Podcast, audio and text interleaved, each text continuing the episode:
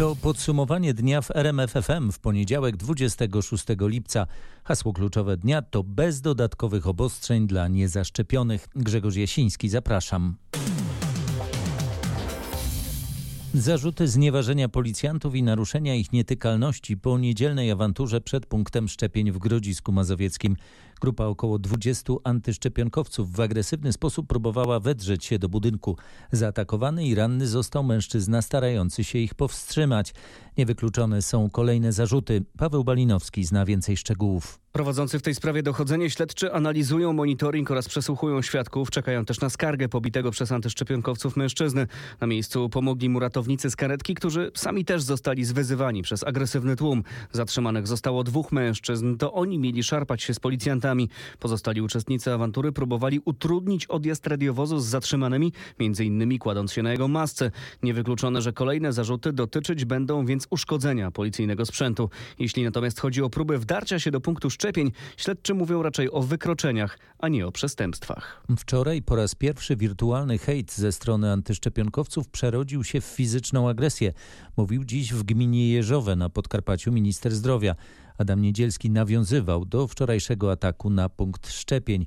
Dzisiejsze wystąpienie ministra także było zakłócane przez przeciwników szczepień. Niestety musimy się liczyć z tym, że te zjawiska narastają, ale pamiętajcie, że to nas jest zdecydowanie więcej. Nie dajmy się zakrzyczeć nielicznej grupie antyszczepionkowców i naprawdę szczepmy się. Bardzo dziękuję. W odwiedzonej przez ministra zdrowia gminie Jeżowe na Podkarpaciu zaszczepiło się niespełna 18% mieszkańców. Na drugim biegunie jest Podkowa Leśna. To w tej chwili najlepiej wyszczepiona gmina w kraju. Dwie dawki przyjęło tam ponad 62% mieszkańców. Pani znajomi, bliscy sąsiedzi w większości zaszczepieni? Tak, tak. Powiem szczerze, że nie, nie znam przypadków osób, których by się nie zaszczepiły z mojego otoczenia, znajomych rodziny. Dlaczego? Myślę, że z rozsądku, po to, żeby też ochronić te osoby, które się zaszczepić nie mogą. Zawsze mieszkańcy są tacy zdyscyplinowani, zorganizowani? Było chyba najwyższa frekwencja w wyborach, tak? Więc myślę, że jest sporo osób tutaj z wyższym wykształceniem i to chyba o to chodzi. Ja się zaszczepiłam, mimo że chorowałam i po prostu uważam, że lepiej zapobiegać niż potem chorować. W Podkowie Leśnej był reporter RMFFM Michał Dobrołowicz. Ministerstwo Zdrowia przed południem poinformowało o 74 nowych zakażeniach koronawirusem. W dzisiejszym raporcie nie ma informacji o ofiarach śmiertelnych COVID-19. Będą dodatkowe ograniczenia koronawirusowe, ale nie będzie zakazów wstępu dla niezaszczepionych do restauracji, kin i galerii handlowych. Premier Mateusz Morawiecki nie chce wprowadzać takich zasad, jakie panują na przykład we Francji czy we Włoszech. Dlaczego? Dlatego, że po prostu obawia się utraty poparcia. Widzi, że gminy, gdzie zaszczepionych jest najmniej, to są miejscowości należące do elektoratu jego własnej partii. Dlatego nie będzie tego, co proponują lekarze, nie będzie tego, co wprowadziła Francja czy Włochy, czyli nie będzie zasady, że do restauracji, galerii handlowej czy kina mogą wejść tylko osoby zaszczepione albo przetestowane. Zamiast tego rząd rozważa wprowadzenie takich obostrzeń, które mieliśmy wiosną, czyli na przykład pojawią się limity wstępu do różnych miejsc, może ewentualnie pojawi się obowiązek szczepień dla służby zdrowia. W tych dniach, w tych najbliższych dniach będziemy wypracowywać koncepcje dalej idące. Tak zapowiada premier Mateusz Morawiecki. A informuje o tym Krzysztof Berenda. Coraz głośniej mówi się o zbliżającej się czwartej fali pandemii. Ograniczenia z nią związane są nieuniknione, dotkną wszystkich, bo mamy za mało osób zaszczepionych, a nie ma możliwości wprowadzenia zakazów tylko dla osób, które się nie zaszczepiły. Tak mówi dr Paweł Grzesiowski, ekspert Naczelnej Rady Lekarskiej, gość rozmowy w samopołudnie w RMFFM. Ograniczenia, które będą wynikały z narastania liczby zachorowań są oczywistością. One muszą być wprowadzane, dlatego że w przeciwnym wypadku będziemy mieli tragedię humanitarną, czyli brak możliwości pomagania pacjentom, którzy tego wymagają. Ale dla Więc wszystkich, czy tylko dla niezaszczepionych? Ograniczenia nie da się wprowadzić, na przykład lockdownu tylko dla tych, którzy są niezaszczepieni. Nikt tego nie sprawdzi. Niestety lockdown, jeżeli zostanie ogłoszony, będzie dotyczył wszystkich osób. Dlaczego nie powiedzieć już teraz niezaszczepionym, to was obejmą obostrzenia? Dlaczego karać zaszczepionych kolejnym lockdownem. No ale nie da się oddzielić w autobusie osób zaszczepionych od niezaszczepionych. Ale na nie wejściu się... do kina, na koncert, na stadion, do restauracji już się da. Gdyby to było możliwe, rzeczywiście, że każdy zaszczepiony miałby certyfikat i można by to sprawdzać powszechnie, to y, taką koncepcję można by rozważyć, ale w moim y, odczuciu to będzie bardzo trudne, jeżeli chodzi o kwestie organizacyjne. Z doktorem Pawłem Grzesiowskim rozmawiał Mariusz Piekarski. W akademikach Uniwersytetu Śląskiego od października będą mogły zamieszkać tylko osoby zaszczepione przeciwko COVID-19. To decyzja rektora uczelni.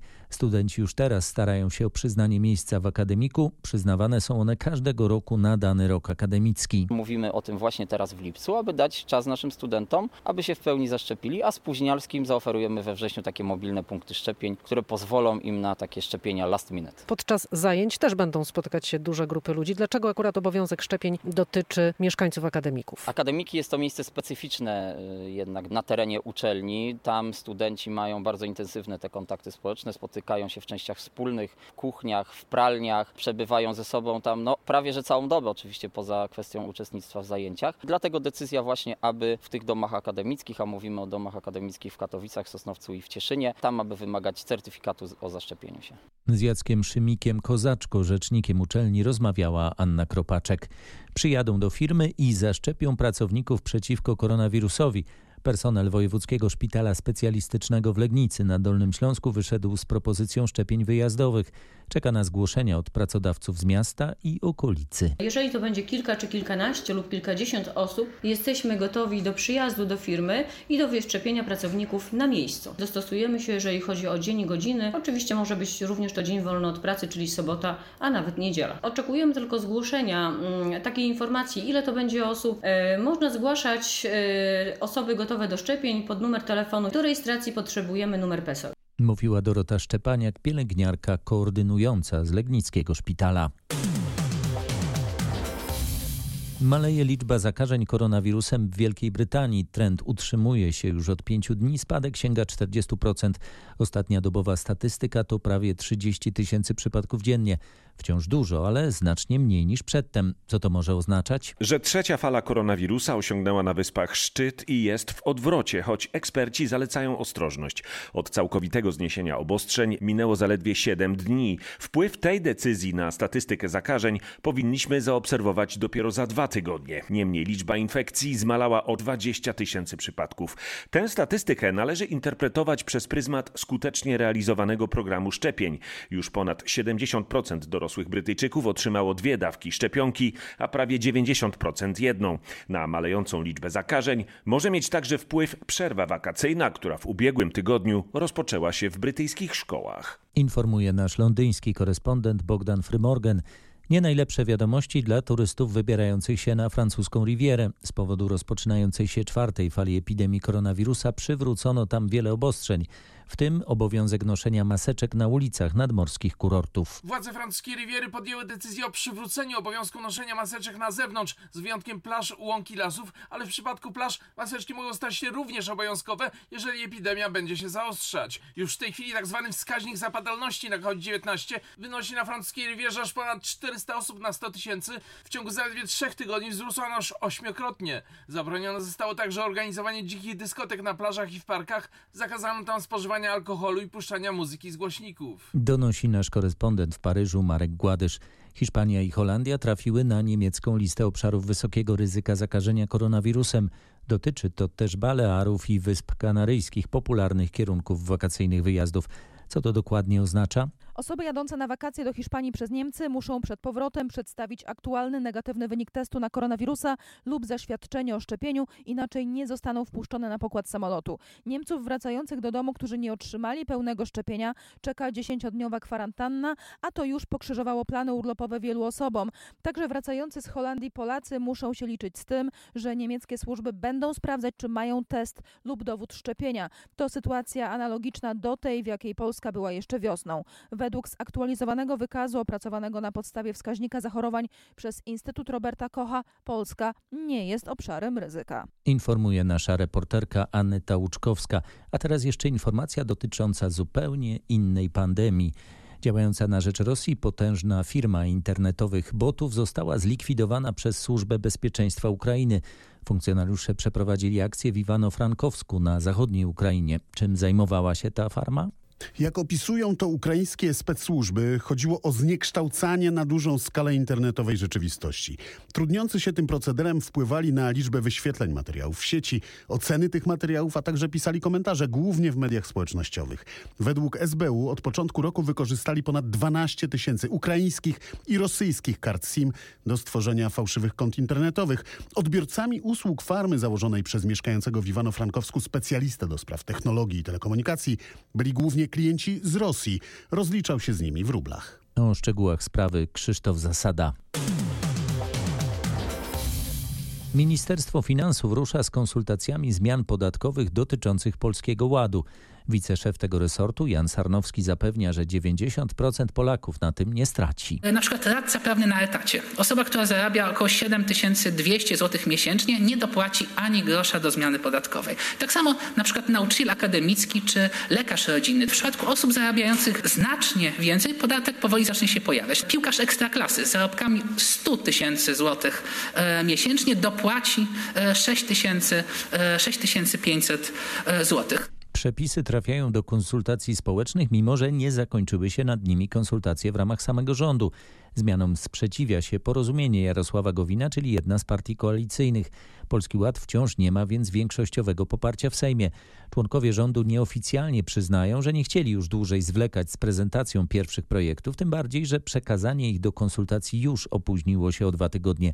Niektóre punkty nadal nie zostały jednak uzgodnione, przekonywał wicerzecznik porozumienia Jan Strzeżek. Teraz myślę, że jest czas na to, żeby te rozbieżności likwidować. Mam nadzieję, że finalny projekt będzie taki, który ani nie zaszkodzi polskim przedsiębiorcom, ani nie zaszkodzi klasy, klasie średniej, bo to jest dla porozumienia najważniejsze. Rząd odpowiada, że część postulatów porozumienia, między innymi dotyczących składki zdrowotnej i rekompensat dla samorządów, została uwzględniona w ostatecznych projektach. Jeśli chodzi o rozmowy liderów, spotkanie wicepremiera Jarosława Gowina z premierem Mateuszem Morawieckim nadal nie zostało nawet umówione. Komisja Europejska nie wyklucza przedłużenia terminu akceptacji polskiego planu odbudowy, który jest podstawą do wypłaty 58 miliardów euro dotacji i pożyczek na odbudowę gospodarki po pandemii.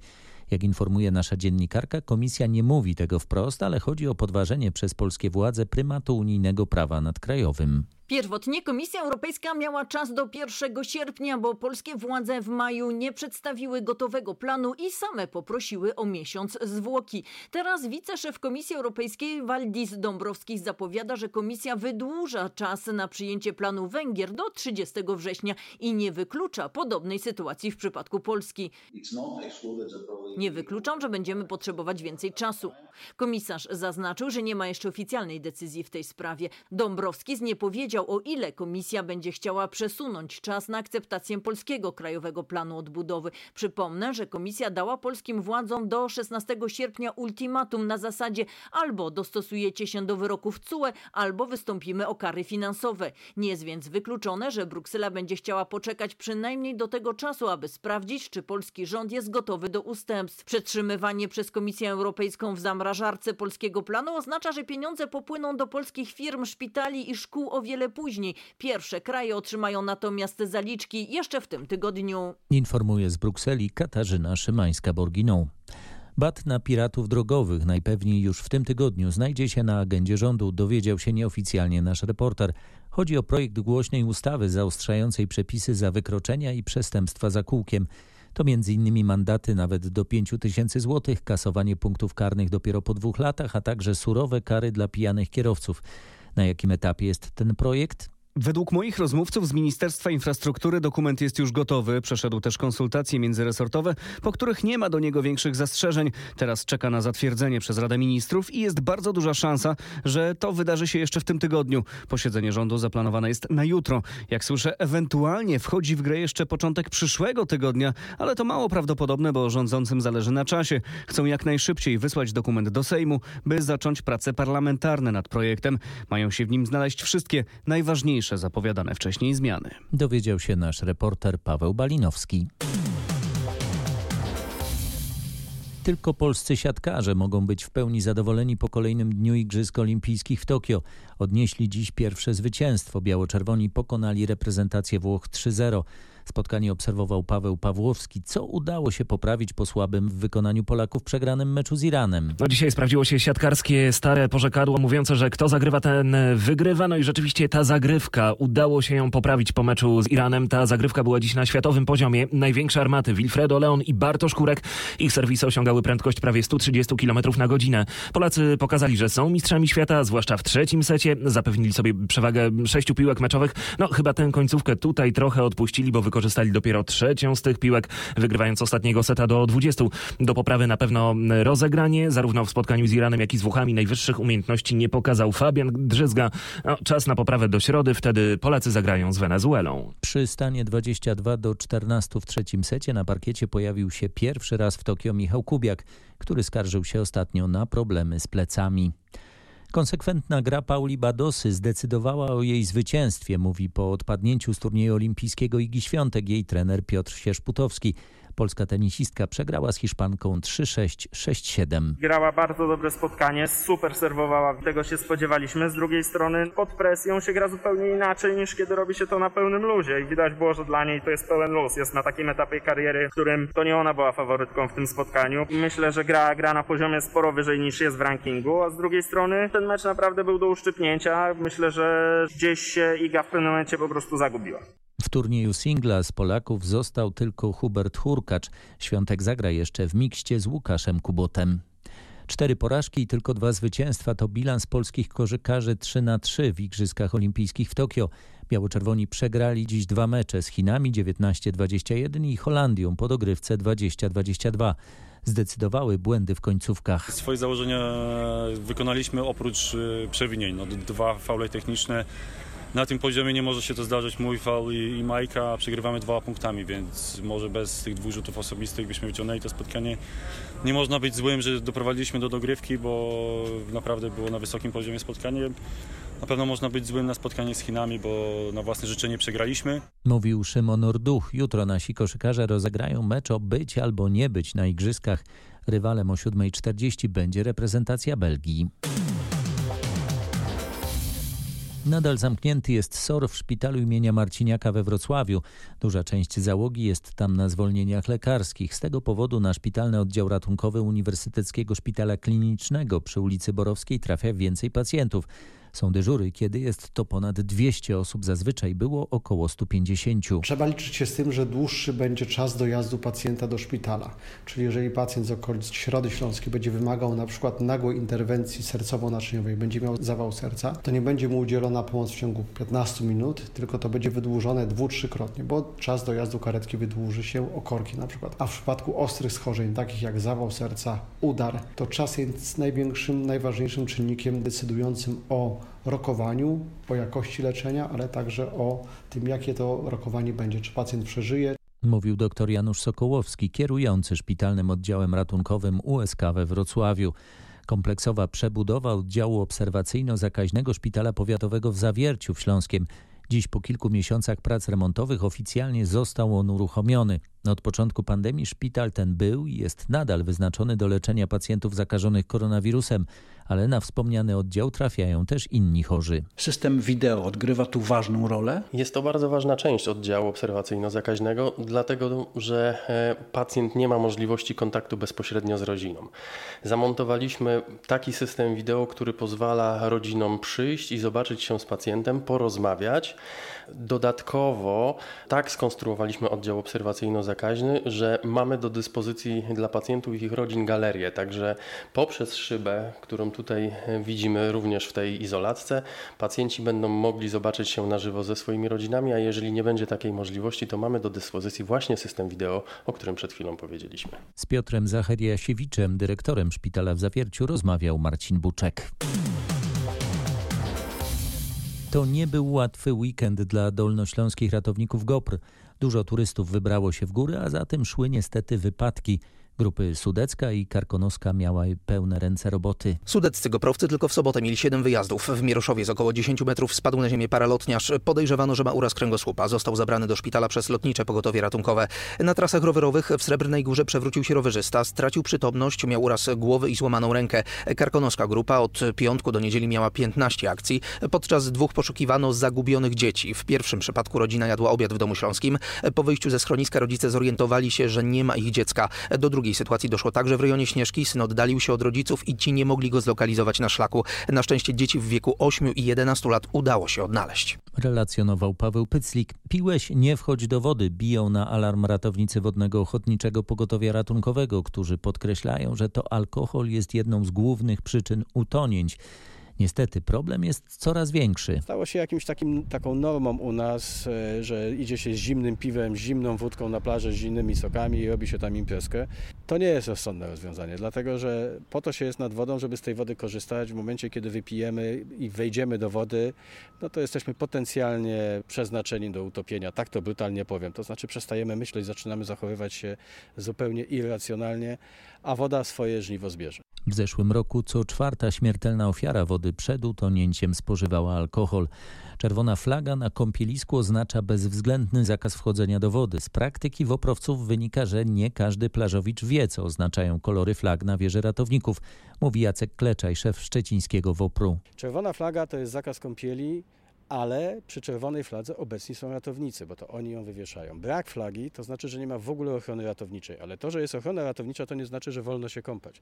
Ratownicy są dlatego, że mogą, może dojść do różnych zdarzeń, oni muszą obserwować e, wodę i kąpielisko i plażę, natomiast do wody wchodzić nie wolno. W momencie, kiedy ratownik zakazuje wejścia do wody, jest funkcjonariuszem publicznym. Jego decyzja jest jak decyzja policjanta, wręcz. Niewykonywanie poleceń ratownika w tym momencie grozi grzywną, najnormalniej w świecie. Duża liczba wypoczywających na Mazurach turystów przekłada się na większą liczbę interwencji Mazurskiego Ochotniczego Pogotowia Ratunkowego. W porównaniu z ubiegłym rokiem ratownicy mają tam dwa razy więcej pracy. W analogicznym okresie e, w tamtym roku e, tych osób, którym udzieliliśmy pomocy było e, niespełna 300. W tym roku to już jest ponad pół tysiąca osób.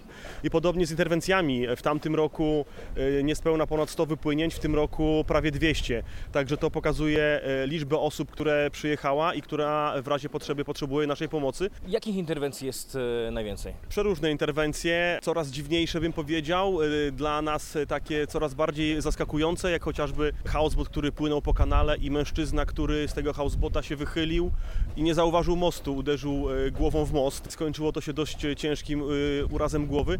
Na szlaku Wielkich Jezior Mazurskich są w tej chwili idealne warunki do żeglowania. Ratownicy apelują jednak do mniej doświadczonych żeglarzy, by nie przeceniali swoich umiejętności. Dzisiaj zarówno tak jak e, podobnie jak w ubiegłym tygodniu warunki do uprawiania żeglarstwa idealne i to podkreślę jeszcze raz, idealne. E, wiaterek 2 do 4 w skali Beauforta. Pojawiają się białe bałwany, na niego ci nie widzę? Tak, tak. Bałwany to już taka pogoda, wiatr dla, dla bardziej doświadczonych żeglarzy, ale w ciągu dnia mamy prognozę, że ten wiatr będzie taki umiarkowany, także ci wszyscy, którzy teraz wypoczywają na Mazurach, y, trafili idealnie w okienko pogodowe. Z Jarosławem Sroką, szefem bazy MOPR w Giżycku, rozmawiał nasz reporter Piotr Bułakowski. Na trasie S11 między Poznaniem a Kurnikiem trwają ostatnie przygotowania do rozpoczęcia wymiany nawierzchni. Chodzi konkretnie o odcinek między węzłami Kurnik Północ i Poznań Krzesiny. Dla kierowców oznacza to zmianę w organizacji ruchu i utrudnienia, które mogą być szczególnie dotkliwe w porannych i popołudniowych godzinach szczytu. Drogowcy tłumaczą, że stan nawierzchni, mimo że trasa została oddana do użytku zaledwie 12 lat temu, wymaga już pilnej naprawy. Będą robione przewiązki, czyli ruch będzie kierowany z jednej jezdni na drugą i na tej drugiej jezdni będzie odbywał się dwukierunkowo. Termin, do kiedy wykonawca ma czas, to jest połowa listopada, dlatego robimy to w tym czasie, no bo prace związane z wymianą nawierzchni muszą być prowadzone w określonych temperaturach. Tak naprawdę nie ma dobrego terminu, bo e, na tym odcinku natężenie ruchu jest bardzo duże. Wykonawca rozpocznie pracę od węzła Kurnik po północ będzie przewiązka. Na Nicce też z Poznania do Kurnika będzie ruch dwukierunkowy, czyli na jednej jezdni będzie odbywał się ruch dwukierunkowy. Zapowiada Alina Cieślak z Generalnej Dyrekcji Dróg Krajowych i Autostrad w Poznaniu. Uwaga kierowcy w Lublinie, zamknięta od dziś jest ulica Poniatowskiego między Popiełuszki a Alejami Racławickimi. To ciąg dalszy wielomiesięcznej przebudowy. Nie ma przejazdu z Czechowa w stronę miasteczka akademickiego ani w przeciwnym kierunku. Wszystkie samochody jadą przez Popiełuszki albo trasą WZ.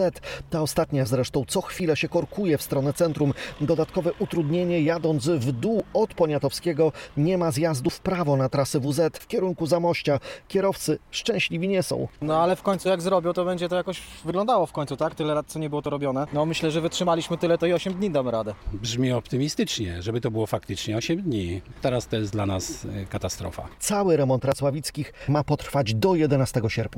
Zapowiada Krzysztof Kot. Piłkarze Warty Poznań w rozpoczynającym się nowym sezonie rozgrywek Ekstraklasy będą mieli bardzo odpowiedzialne zadanie. W zamian za każdą strzeloną przez zielonych bramkę leśnicy z lasów państwowych posadzą 100 drzew. Finał akcji odbędzie się w jednym z podpoznańskich nadleśnictw wiosną. Na razie po wczorajszym meczu ze Śląskiem Wrocław dla Zielonych zarezerwowano 200 sadzonek. Warta ma za sobą jeden z najlepszych od wielu lat sezonów. W zeszłym sezonie strzelili 39 goli. Jeśli Zielonym uda się w tym sezonie powtórzyć ten sukces, będzie to oznaczało, że już na wiosnę wspólnie posadzimy prawie 4000 nowych drzew. Warto pamiętać, że las to tlen, a tlen to życie. Jeden hektar lasu w ciągu doby wytwarza około 700 kg tlenu. Mówiła Małgorzata Krokowska-Paluszak z Lasów Państwowych w Poznaniu. To czy drzew w zamian za gole będzie więcej okaże się już w niedzielę. Wtedy Warta zmierzy się z Pogonią Szczecin. Można się spodziewać, że Warcie przybędzie w tym sezonie kibiców. Jutro otwarcie panoramy Racławickiej, muzeum, w którym znajduje się ten wyjątkowy, ważący blisko 4 tony obraz pokazujący bitwę pod Racławicami z 1794 roku, było zamknięte przez prawie rok. Po remoncie dzieło jest bezpieczniejsze, budynek ma nowoczesny system gaśniczy, jego dach już nie przecieka. A co zmieniło się dla samych odwiedzających? Tu siedzimy obok wejścia do małej rotundy. Całkowita zmiana tego wnętrza. Tam pamiętamy były te figurki ubrane były w mundury wojsk polskich i rosyjskich. Była makieta. W tej chwili całkowicie jest to zmodernizowane z pomocą różnych multimedialnych środków. Mamy taką nowocześniejszą narrację. Pojawił się język migowy, którego nie było w panoramie. Tak, te urządzenia, które myśmy przedtem posiadali, one nam na to nie pozwalały. W tej chwili w tych urządzeniach jest ekranik, którym możemy właśnie ten migowy język zastosować. Mówił Romuald Nowak, kierownik Muzeum Panorama Racławicka, z którym rozmawiał Paweł Pyclik. Tyle na dziś. Na kolejne podsumowanie dnia w RMFFM zapraszam jutro wieczorem. Grzegorz Jasiński, dziękuję. Dobrej nocy.